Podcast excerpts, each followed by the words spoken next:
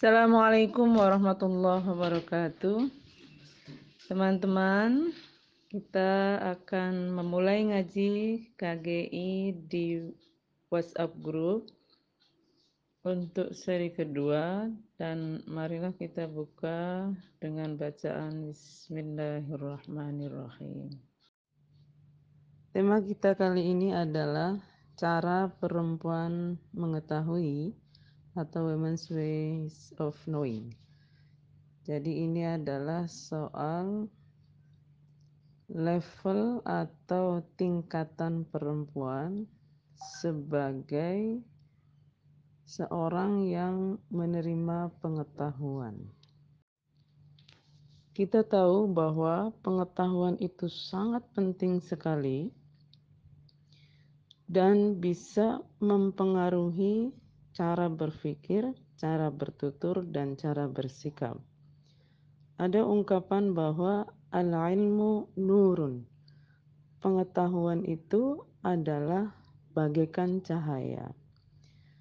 Dengan pengetahuan, kita kemudian bisa melihat sesuatu secara jelas, sehingga bisa menentukan mana yang benar dan mana yang salah, mana yang pantas dan mana yang tidak dengan jelas pula. Atau ungkapan lain bahwa pengetahuan itu bagaikan senjata. Sebab dengan pengetahuan ini kita kemudian bisa mempertahankan diri untuk tidak ditindas oleh orang lain, untuk tidak didikte oleh orang lain, dan untuk bisa menjadi diri sendiri. Namun demikian, dalam perspektif kritis yang selalu menyadari bahwa kalimat itu bisa bermakna ganda, bahkan bertentangan sekaligus, pengetahuan itu memang bisa seperti cahaya, tetapi cahaya tidak selalu menerangi. Cahaya bisa juga membuat mata kemudian silau dan tidak bisa melihat dengan jelas. Misalnya ketika cahaya senter diarahkan ke mata kita, maka cahaya itu justru membuat kita tidak bisa melihat dengan baik.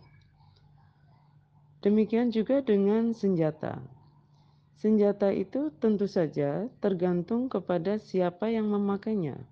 Senjata bisa melindungi kita dari segala bentuk uh, kekerasan, dari segala bentuk kedoliman misalnya. Tetapi pada saat yang sama, senjata juga bisa digunakan oleh orang lain untuk sebaliknya, yaitu melukai kita, uh, menyakiti kita, dan seterusnya. Maka pengetahuan ini penting untuk dilihat dalam konteks uh, posisi perempuan di masyarakat. Misalnya, apakah pengetahuan-pengetahuan yang diterima oleh perempuan, termasuk di dalamnya pengetahuan agama, itu menguatkan, membuat terang benderang, membuat dia semakin mudah untuk melihat sesuatu, menentukan sikap, atau justru sebaliknya membuat perempuan menjadi silau, kemudian tidak bisa melihat apa pun. Juga apakah pengetahuan yang diterima oleh perempuan itu membuat mereka menjadi kuat karena dia bisa menjadi senjata yang melindungi atau sebaliknya menjadi lemah karena dia menjadi senjata yang justru melemahkan perempuan itu sendiri. Saya ingin menegaskan saja bahwa yang saya maksudkan dengan pengetahuan agama tentu saja adalah tafsir agama atau pengetahuan-pengetahuan yang kita yakini berasal dari agama. Tentu saja, kalau agama yang berasal dari Tuhan, pengetahuan agama yang berasal dari Tuhan pasti benar. Saya kira ini uh, resiko atau resiko logis ya dari meyakini bahwa Tuhan itu maha tahu dan maha benar. Tetapi agama yang berasal dari Tuhan ini dan pasti benar itu selalu difahami oleh manusia yang tidak satupun maha tahu dan maha benar. Maka manusia punya pengetahuan agama atau pengetahuan yang difahami dari agama. Nah, yang saya maksudkan sebagai pengetahuan tadi itu, pengetahuan agama tadi adalah pengetahuan agama dalam konteks tafsir atas agama yang dilakukan oleh manusia.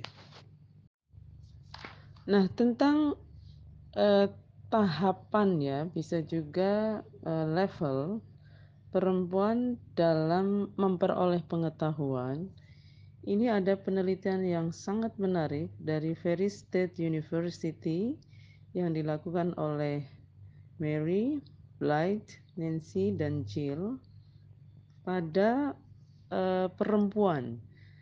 Tapi tentu saja ini tidak dikhususkan pada pengetahuan agama. Jadi, setelah penelitian itu, mereka menemukan lima tahap atau level perempuan dalam memahami atau memperoleh pengetahuan. Level pertama adalah diam atau silent.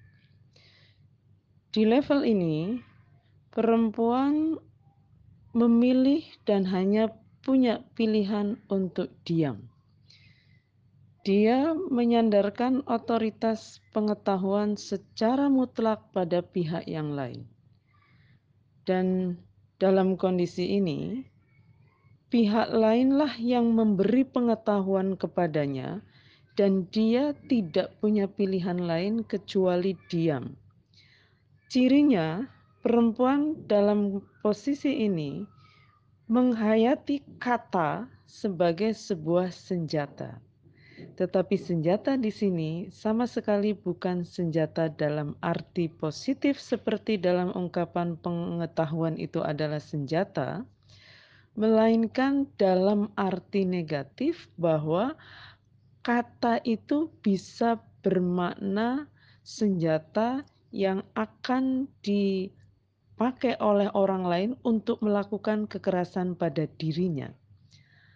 Misalnya adalah setiap kali dia mengatakan sesuatu, itu bisa berarti tendangan, bisa berarti uh, pukulan, dan bisa berarti yang lainnya, karena si pemilik otoritas pengetahuan itu tidak menghendaki kata apa pun darinya kecuali ketaatan mutlak. Jadi, perempuan dalam posisi sebagai silent knower ini dia akan hidup seperti robot. dia menjalankan apa yang harus dijalankan tanpa berpikir apa pun, tanpa mengatakan apa pun, karena dia tidak punya pilihan lain. Karena itu, beberapa teman mengatakan bahwa perempuan seperti ini sebetulnya bukanlah silent knower atau orang yang memperoleh pengetahuan secara diam, melainkan silence knower, yaitu uh, perempuan yang dibungkam uh, dalam memperoleh pengetahuan atau informasi. Yang kedua adalah receive knowledge atau kalau pada perempuannya adalah receive knower, yaitu perempuan yang memperoleh pengetahuan dan dia mereproduksinya kembali tanpa ada proses apa pun. Mengapa? Karena dia menghayati pengetahuan itu sebagai sebuah kebenaran. Apa yang dia terima pasti benar, sehingga dia merasa tidak perlu memproses pengetahuan itu dan langsung menyampaikannya kepada orang lain. Jadi, apa yang didengar eh, dari pihak lain akan dia sampaikan mentah-mentah kepada pihak lain. Dia mendengar dari televisi, dia mendengar informasi dari uh, media sosial, dia menerima informasi dari pengajian, dari mana pun, dan menghayatinya sebagai sebuah kebenaran, lalu dia menyampaikannya kembali kepada pihak lain tanpa ada perubahan sedikit pun, karena tidak menyadari bahwa dalam pengetahuan itu ada dua kemungkinan, yaitu pengetahuan yang valid dan pengetahuan yang tidak valid. Baginya, semua pengetahuan adalah valid, sehingga dia eh, tidak perlu untuk mempertanyakannya kembali. Dia menerima, lalu menyebarkannya begitu saja. Yang ketiga adalah pengetahuan subjektif atau orangnya eh, disebut subjektif knower, yaitu kebenaran dan pengetahuan diterima secara uh, personal, uh, private dan secara intuitif. Jadi dia sudah mulai melibatkan pengalaman pribadinya dalam sebuah kebenaran, sebuah kebenaran pengetahuan. dia misalnya ketika menerima informasi dari mana pun, dia akan mulai mempertanyakannya atau menghubungkannya dengan pengalaman dia secara uh, pribadi. Misalnya, uh, dia menerima informasi bahwa Islam itu adalah kemaslahatan. Kemudian, dia memperoleh pengetahuan juga bahwa Islam itu adalah membolehkan suami memukul istri, misalnya begitu.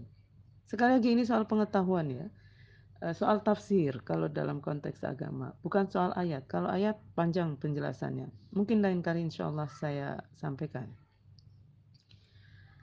Lalu dia mulai menginternalisir ke dalam dirinya pengetahuan bahwa suami boleh memukul istri dengan pengalamannya bahwa dipukul itu tidak enak, menyakitkan dan itu tidak maslahah gitu, tidak bagus.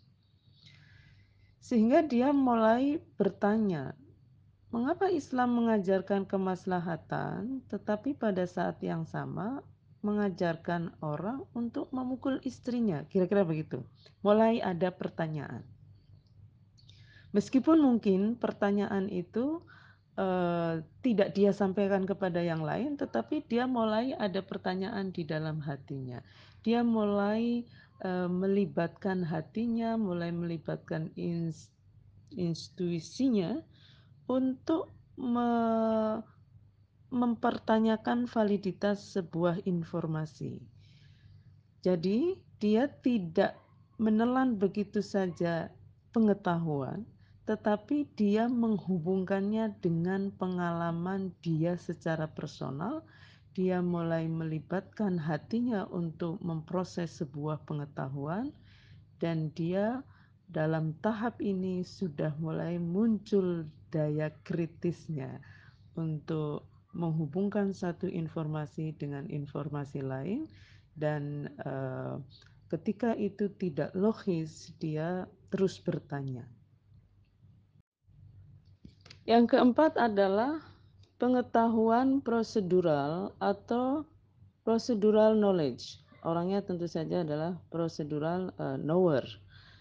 Ini adalah perempuan yang uh, mulai menyandarkan sebuah pengetahuan pada prosedur yang objektif dan uh, dia mulai nih di tahap ini mencari beberapa sumber pengetahuan dan membandingkannya itu. Jadi eh, dia tidak lagi menyerahkan satu pengetahuan pada satu otoritas tertentu, tetapi dia mulai mencari otoritas yang lain. Kalau dalam konteks tadi, misalnya dia mendengarkan bahwa eh, pemahaman ya, bahwa Islam membolehkan suami memukul istri menurut uh, ayat sekian di dalam Al-Quran.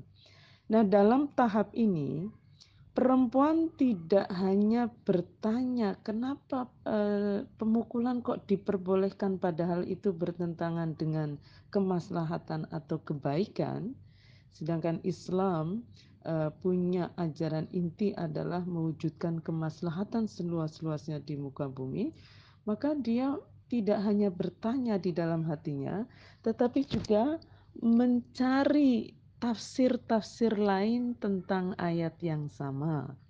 Jadi dia mulai mencari sumber informasi yang berbeda nih.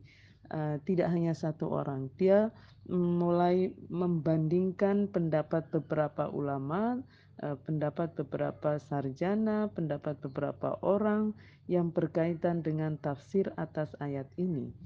Jadi ada prosedur uh, pengetahuan yang dia tempuh. Uh, dia tidak hanya berhenti mempertanyakan, tetapi mulai mencari, kira-kira begitu. Mencari pembanding, kemudian dia bisa melihat bahwa ada beberapa tafsir, lalu dia akan memilih mana di antara tafsir yang ada itu yang bagi dia uh, tetap mempertahankan kemaslahatan lalu uh, dia menghubungkan tafsir itu dengan pengalaman real sebagai perempuan sehingga dia kemudian uh, tidak percaya begitu saja kira-kira terhadap uh, pengetahuan tetapi me melakukan proses klarifikasi atas sebuah pengetahuan dengan mencari sumber-sumber pengetahuan yang lain tentang hal yang sama sebelum memutuskan uh, pendapat mana yang akan dia ikuti. Yang terakhir adalah constructed knower, uh, constructed uh, knowledge adalah pengetahuan yang kokoh. Nah, pengetahuan yang kokoh ini mulai uh, memandang semua pengetahuan secara kontekstual, menghargai strategi subjektif maupun objektif.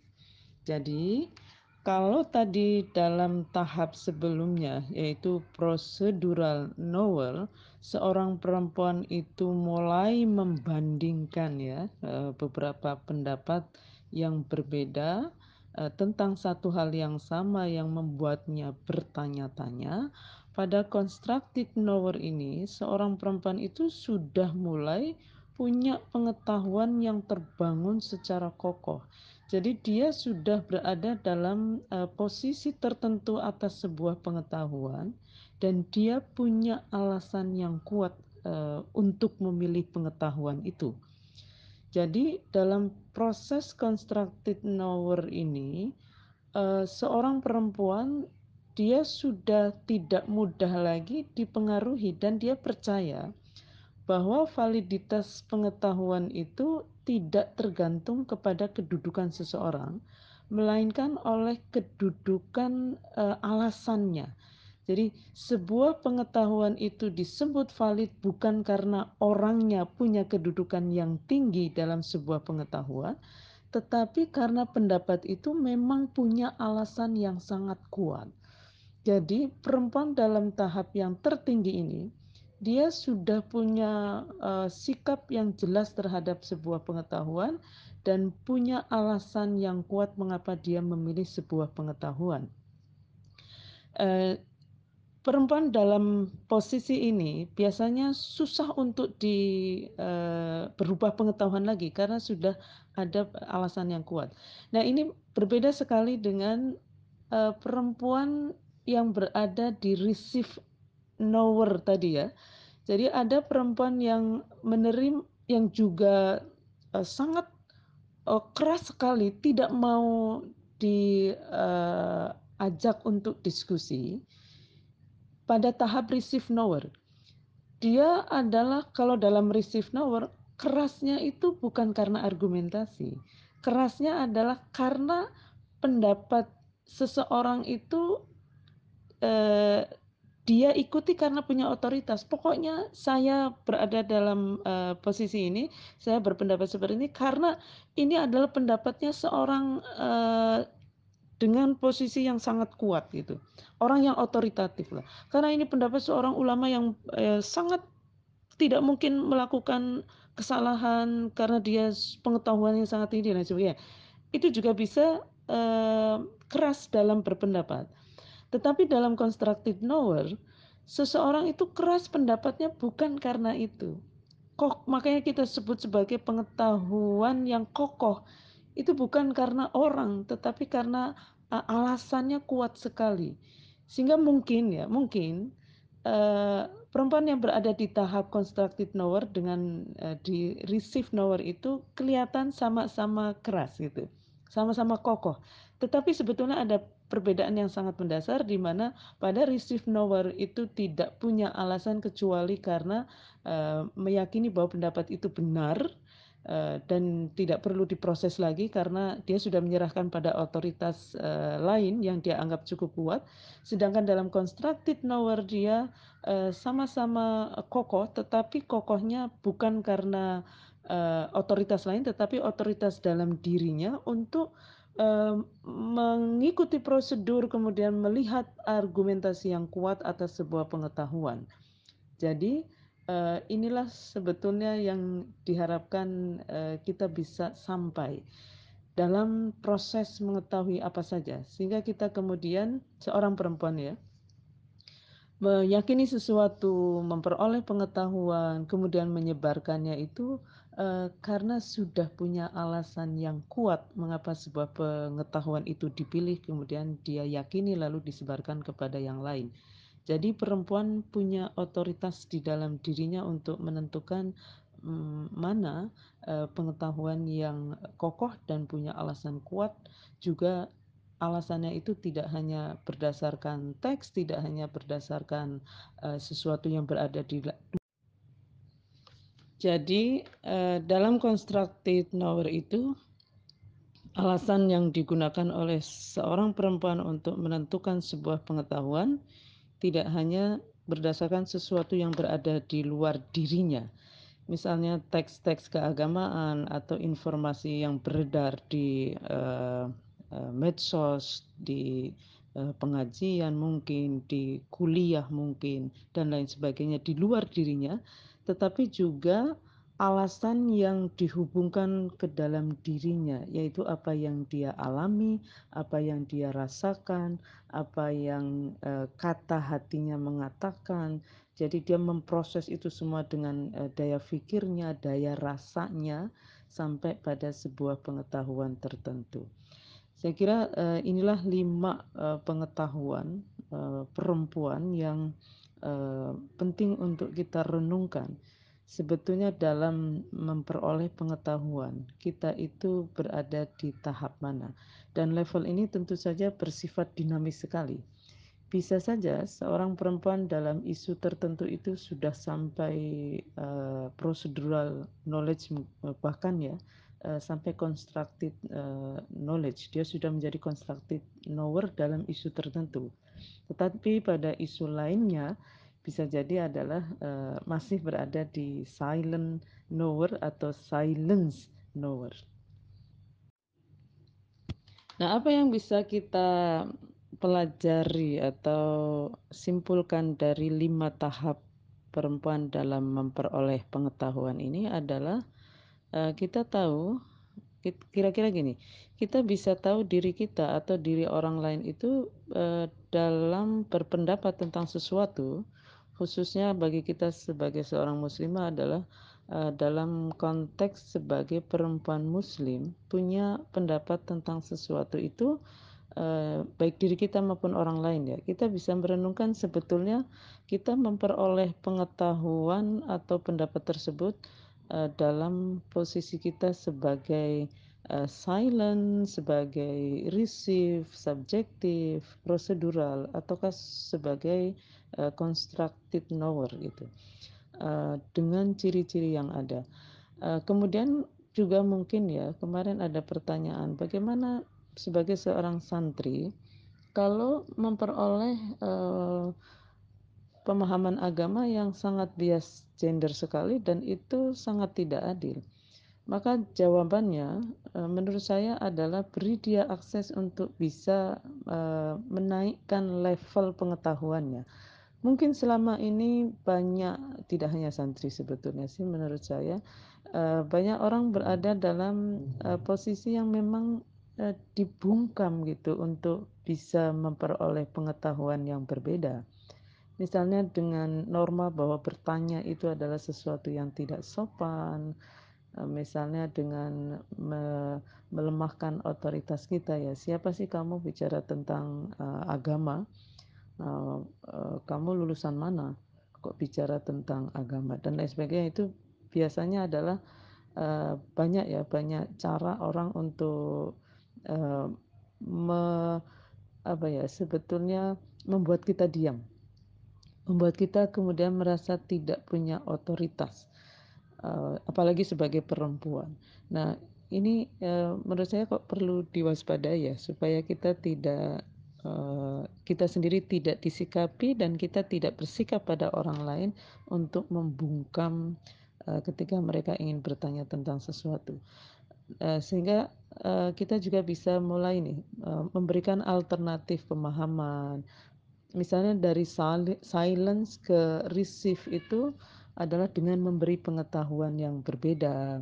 Dari receive kepada subjektif itu dengan mengajak orang mempertanyakan kembali secara kritis. Kemudian pada uh, dari receive uh, dari subjektif uh, menuju prosedural itu adalah dengan memberikan berbagai pengetahuan alternatif dan uh, pada tahap yang konstruktif itu adalah diajak untuk membandingkan argumentasi dari beberapa pandangan yang berbeda. Jadi barangkali inilah cara kita untuk bisa menguatkan uh, dan memastikan bahwa pengetahuan yang kita peroleh sebagai perempuan itu benar-benar menjadi cahaya yang menerangi, bukan cahaya yang menyilaukan lalu membuat kita tidak bisa melihat kebenaran, juga bisa menjadi senjata bagi kita yang melindungi kita dari eh, tindakan kedoliman termasuk kedoliman atas nama apa pun tafsir agama termasuk di dalamnya bukan senjata yang justru membuat kita terpuruk sebagai korban kedoliman atas nama apa pun. Saya kira uh, meskipun ya meskipun uh, penelitian ini pada pengetahuan uh, perempuan menurut saya kok ini sebetulnya bisa dimanfaatkan untuk menganalisis, melihat, merenungkan uh, pengetahuan yang diterima juga oleh laki-laki secara umum ya atau laki-laki perempuan dan siapa pun. Kita dan dalam konteks apa pun dalam konteks uh, bernegara juga kita memperoleh banyak pengetahuan. Dalam konteks masyarakat kita punya norma sosial negara punya kebijakan dan dalam konteks agama kita punya konsep kemaslahatan. Nah, mungkin mulai atau kita bisa menggunakan uh, teori ini untuk merenungkan ya kita sebetulnya sebagai uh, warga negara, sebagai umat beragama, warga masyarakat itu sedang uh, berada dalam level pengetahuan yang mana baik sebagai uh, perempuan, sebagai laki-laki, sebagai apa pun. Saya kira itu pengantar dari saya. Terima kasih. Kurang lebihnya mohon maaf. Assalamualaikum warahmatullahi wabarakatuh.